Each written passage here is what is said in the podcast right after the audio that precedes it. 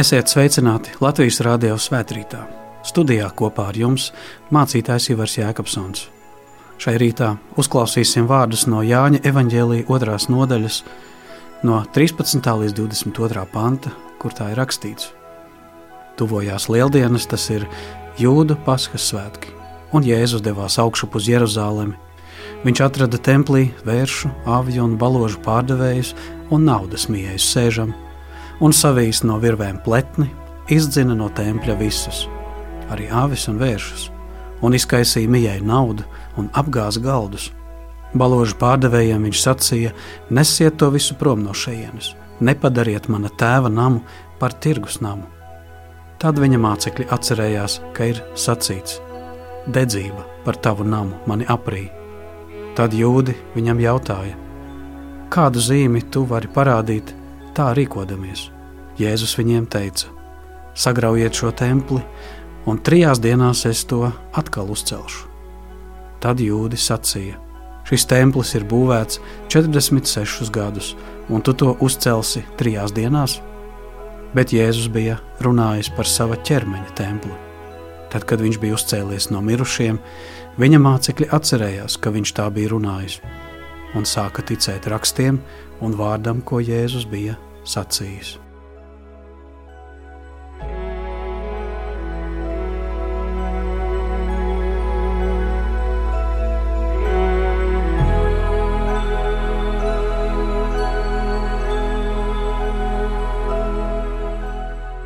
Mēs lūdzam Tevi, Kungs, sveitī mūs šī Tava vārda patiesībā. Āmen!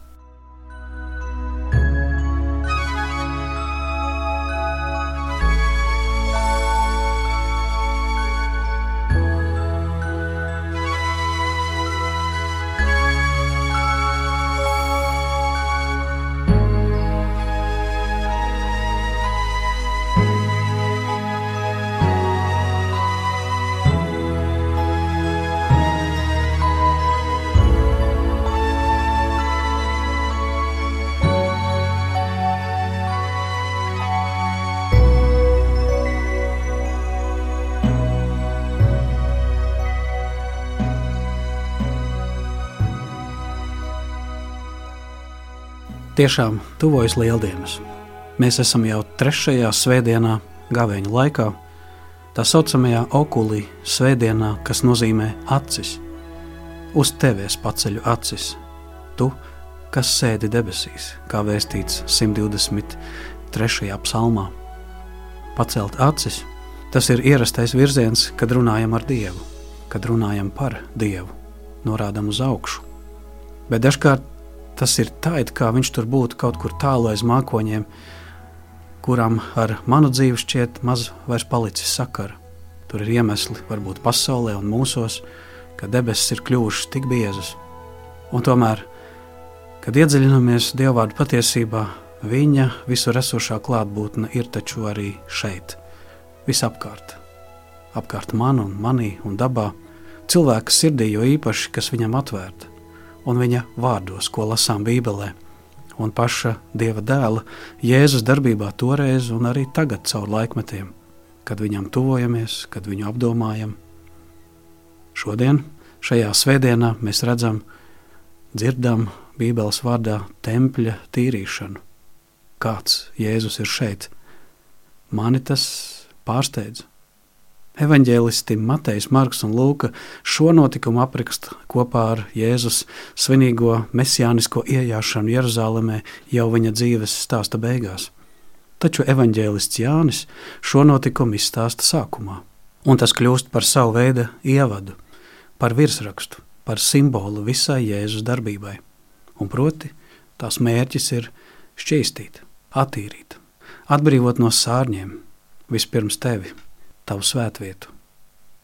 Šodienas Bībeles tekstā Jēzus nav tas ierasti laipnais, mierpilnais, bet asais un skarbais. Viņš ierodas sava tēva, mūsu dieva namā, un ko viņš tur atrod? Viņš tur atrod tirgu, faktiski lauvu bedri. Tā saucamā pagānu pagalmā, vietā, kas ir domāta lūkšanai visām tautām, tur notiek pirkšana un pārdošana, attiecības es tev, tu man troksnis. Viņā, proti, Jēzu pamostas karstums sava nama dēļ. Tas nav tas labais, mīļais gans attēlots ar jēriņu rokā. Te viņš ir tāds, kurš patriec plēsoņus. Viņa acīs ir uguns, viņa rokās pletne. Te ir svētas mīlestības uguns. Te Jēzus iziet ārpus varbūt mūsu ierastiem rāmjiem, ārpus ierastā tēla, burtiski savā svētvietā apgāž galdus, krēslus, ko pats esmu ierīkojis. Viņš ir kā nama saimnieks, kā radītāja dēls, kas aizslauka prom visu šī garīgā pasākuma komercializāciju un visu lieko cilvēka netīrības uzslāņojumu ticībai. Iespējams, tādēļ arī daudzi sūdzās par dažādu veidu kristīgu pasākumu, piemēram, Ziemassvētku lieldienu komercializāciju pasaulē. Vai tad arī šodien mums nevajadzētu veikt kādu pavasara tīrīšanu visos līmeņos - mājās, dārzā, darbā, varbūt pat varas gaiteņos un mūsu pašu attiecību samazglojumos, mūsu pašu ticības piesārņojumos. Un ja tevī mostas arī kāda svēta neapmierinātība par lietām, kas nenotiek tā, kā vajadzētu, kā tas bijis iecerēts, varbūt tevī mostas tā pati gara balss, kas bija Kristū, kas iedegas par labo un svēto. Un iespējams, tev ļoti labi kļūst saprotams Jēzus – Taču Jēzus šeit nenāk ar zobenu, viņš nenāk nogalināt. Viņš netaisa revolūciju, viņš neatceļ templi, lūgšanas un ziedojumus. Viņš drīzāk uzslavē nabaga atraitni, kas ziedo un kalpo dievam ar visu. Viņš tik jūtīgajos jautājumos par finansēm saka, dodiet dievam, kas dievam, ķēzaram, kas ķēzara. Katrā ziņā Jēzus ņem šos striķus, šo pletni, lai līdzīgi kā ar slotu attīrītu templi, attīrītu dzīvi attiecības un pat tavu maciņu, lai tas pārtrauc finansēt grēku, lai tava dzīve visās lietās vairāk kalpo Dievu godam un ir cilvēkiem par svētību. Šajā ziņā gavēņa laiks ir darbs vispirms ar sevi, savu sirdi. Tas ir kā darbs tīrumā, kur sējais iesēja sēklu cerībā, ka tas nesīs labus augļus, kā Jēzus līdzībā ir sacīts. Tur dodamies prom no savas ceļmalas cietās virsmas, kurā viss labums aiziet putniem, prom no akmenājas sekluma un dzīves īslaicīgo labdarības akciju nepastāvības, kurās viss ātri atkal novīst un vajag atkal un atkal nespējot aizbāzt dzīves bezgalīgos caurumus. Gavēņa laiks ir prom no no dzīves ērkšķiem un daļiem, no dzīves kaislībām, raizēm un bailēm, kas nomāca un padara tevi aklu un ticību neauglīgu. Tas ir ceļš ticības dziļumā, kurā augļus nes ticības briedums, un tādēļ tur vajag arklu, kas uzplēš, slotu, kas slauka tīri, paiet malā un paraudzīties, kur es esmu nonācis ar savu dzīves ceļu, kur šī dieva tojošā Pavasara saules gaismā es pēkšņi ieraugu putekļus gaisā un netīrumus kaut kur savas dzīves nostūros un ieraudzīt, ak, Dievs, kā es pats esmu apaudzis par šo ziemu ar visāda veida melnumiem. Nav izslēgts, ka Jēzus templi tīrīja divreiz. Vienreiz sākumā, kad viņš vēl baudīja tautas simpātiju, bet otrreiz jau nedēļā pirms nāves, kad tas kļuva par vēl vienu iemeslu jūdiem Jēzu apsūdzēt un nepieciest. Taču katrā ziņā Jēzus savā rīcībā lieto rīksti, lai aizslaucītu sārņus no ticības dzīves. Viņā piepildās kaut kas tāds, ko savulaik pravietoja Maliahīs trešajā nodaļā, ka pēkšņi nāks uz savu namu kungs, kuru jūs meklējat, derības vēstnesis, kuru jūs kārojat, Redzi, viņš nāk, saka pulku kungs. Kurš var paciest viņa atnākšanas dienu, kurš var nostāvēt viņu ieraudzījis? Viņš ir kā uguns, kas attīra no sārņiem, viņš ir kā sārms, ko lieto vēlētājs. Viņš sēdīsies atsārņot un šķīstīt sudrabu, viņš šķīstīs levī dēlus un noņems tiem piemaisījumus kā zeltam vai sudrabam, un tie taisnībā pienesīs kungam labības dāvanu. Lūk tā, var salīdzināt Jēzus paša rīcību Dieva templī, par kuru Jēzus pats jau no bērnības sacīja: Mana tēva nams, mana tēva lietas, par kurām mana sirds deg. Ebreju vēsturiskie talmudi rakstāvot liecina, ka šī dzīvnieku tirzniecība templī bija salīdzinoši nesena. Iepriekš tā bija atradusies netālajā Kidrona ielā, taču kādas komerciālas intereses un ērtības lēnām guva virsroku un sāka ieņemt vietu tempļu tā saucamajā pagānu pagalmā.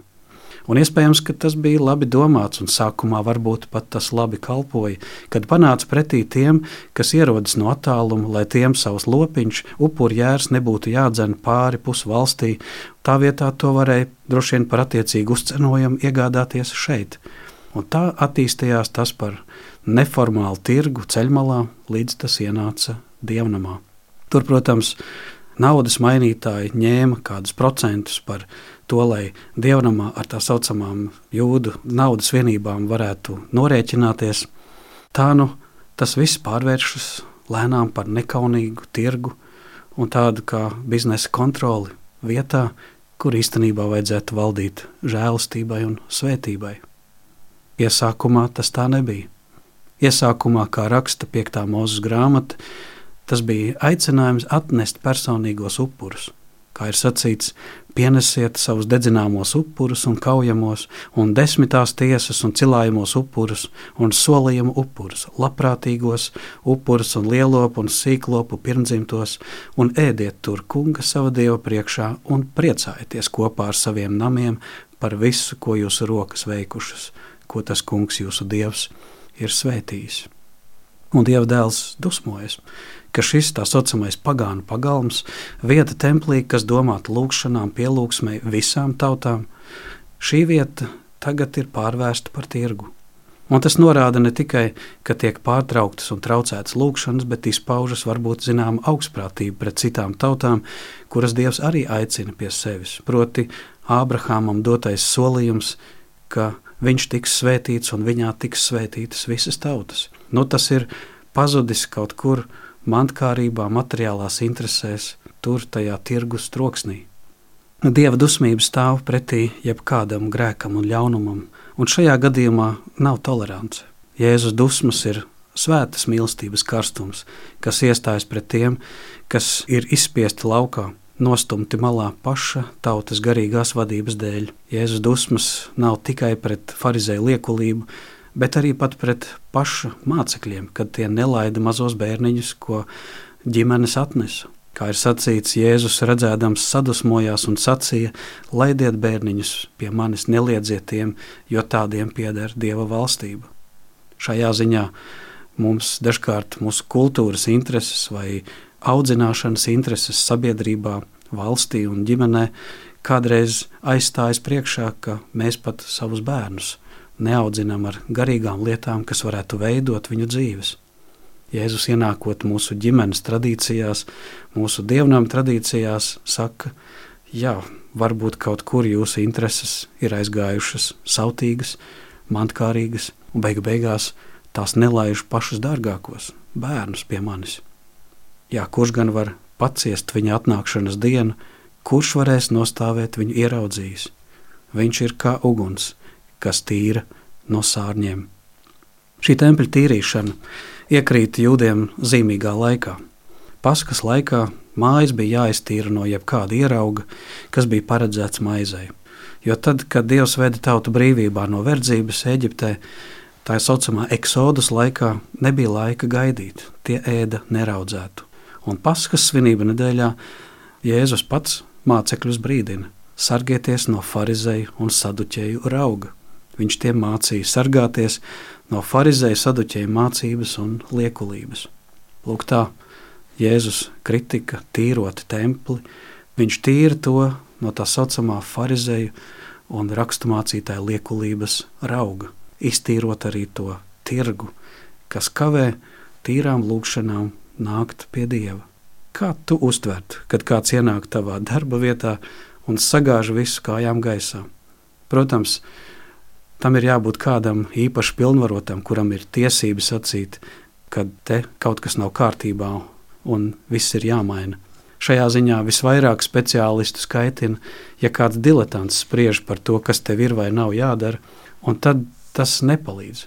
Taču Jēzus šeit nav nekompetents. Viņš ienāk kā dieva dēls, kā nama saimnieks, kurā mēs esam tikai kalpi.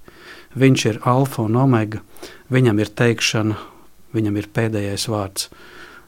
Jūdi gan sacīja, pierādi, taču Jēzus nevar uzrādīt papīrus, ka viņš ir dieva dēls. Jūdi no viņa gaida zīmes. Viņam jautā, kādu zīmi tu rādīsi, kas tev dod tiesības tā rīkoties templī. Un tad Jēzus sacīja, tie meklē visādas zīmes, bet cita zīme tiem netiks dota kā Jonas zīme. Kā Jona, kas trīs dienas un naktis pavadīja zivs vēderā, tāpat arī Jēzus būs nāvē un augšām celsies. Un šī tā saucamā Jonas zīme, Jēzus augšām celšanās būs pierādījums. Un tādēļ viņš arī saka, lūk, templis, ko jūs tik ilgi esat cēluši, es, es saku, nojauciet to, un es trīs dienās to atkal uzcelšu. Tā mācekļi saprata, ka Jēzus nerunā par šo dievnamu, bet par Jēzus miesu, par viņa miesas templi, kas uzcelsies trešajā dienā, kas būs svarīgākā lieldienu vēsts - Kristus augšām celšanās. Nu, lūk, Jēzus šajā dienā, ko sauc acu svētdienu, jeb okulī, kurā mēs raugamies uz to kungu, mudina mūs ieraudzīt kaut ko mūsu dzīvē, ieraudzīt novirzes, ieraudzīt putekļus, ieraudzīt lietas, kas jātīra vai pat jāmaina. Viņš pats ierodoties templī, ar pletni izdzen visu, kas traucē svētumam. Jautājums ir, vai arī tu būsi gatavs, tuvojoties šim dievišķās saules pavasarim, tuvojošām lieldienām, ļaut Jēzus balsī arī savu dzīvi. Jā, varbūt pat radikāli mainīt, attīrīt tur, kur tas ir nepieciešams. Jā, mēs ticībā raugamies uz Jēzu, Un ticībā ieraugam, ka mūsu ticība, raugoties uz viņu, var būt uz sevi vērsta. Jā, kas man par to būs? Es arī varu būt līdzīgi kā šie tirgotāji templī, kas attiecībās ar Dievu ir tirgus attiecībās. Es tev, tu man. Taču ticības dziļums sākas tur, kas raugās uz to, kas viņš ir. Ka mēs ieraugam Jēzus, Dieva dēla, mesijānisko dabu, kurš ar savu augšām celšanos aicina arī mani no nāves dzīvībā, no grēka svētumā, no tumsas dieva mūžīgajā gaismā. Tā ir ticība, kura Jēzu Kristu attīra patiešām atpestīt veseli no grēka un ļauj tai ieiet mūžīgās dzīvības cerībā. Un tad jautājums būs, kādi būs tavas ticības augļi? Jo šīs ticības turpinājums, kā tīrumā, kas attīrīts, kurš nes daudz augļu, tagad aicina tevi izpausties vārdos, darbos un dažāda veida mīlestības kalpošanā. Jā, kas notiks ar tavu ticību, vai tā būs dzīva arī labajos darbos, uz ko tu esi mudināts un aicināts. Šajā lieldienu ceļā attīrot sevi, attīrot savu garīgās dzīves telpu, lai Dievs attīra arī mūsu domas, vārdus un darbus, un tuvina mūs debesīm, un lai debesis tuvojas mums Kristus vārdā, kas aicina pretī gaismai un gaismā dzīvot, Dievam par godu, tuvākiem par svētību. Āmen! Lūksim Dievu! Visvarenais, mūžīgais Dievs Tēvs, mēs sakām paldies par šo tojošo pavasari.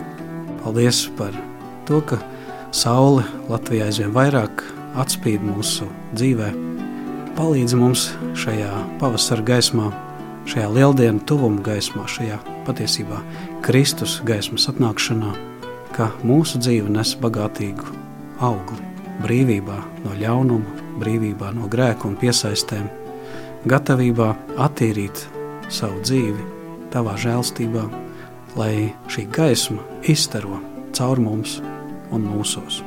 Mēs lūdzam svētī mūsu zemi un tautu, jo sevišķi tur, kur ir vēl daudz nekārtības, vēl daudz pārpratumu par labo un taisno, vēl daudz baiļu un neziņas, jo sevišķi kara un nemieru draudos visapkārt. Ļauj mums ieraudzīt, ka tava mīlestība vēl nav beigusies, tava žēlstības laiks vēl ir, tava gaisma vēl aicina mūs no tumsas gaismā, lai mēs dzīvotu. Kungs Dievs svētī ar to visu mūsu zemi, Jēzus vārdā Āmen. Studijā Kopā ar jums bija mācītājs Ivars Jēkabsons.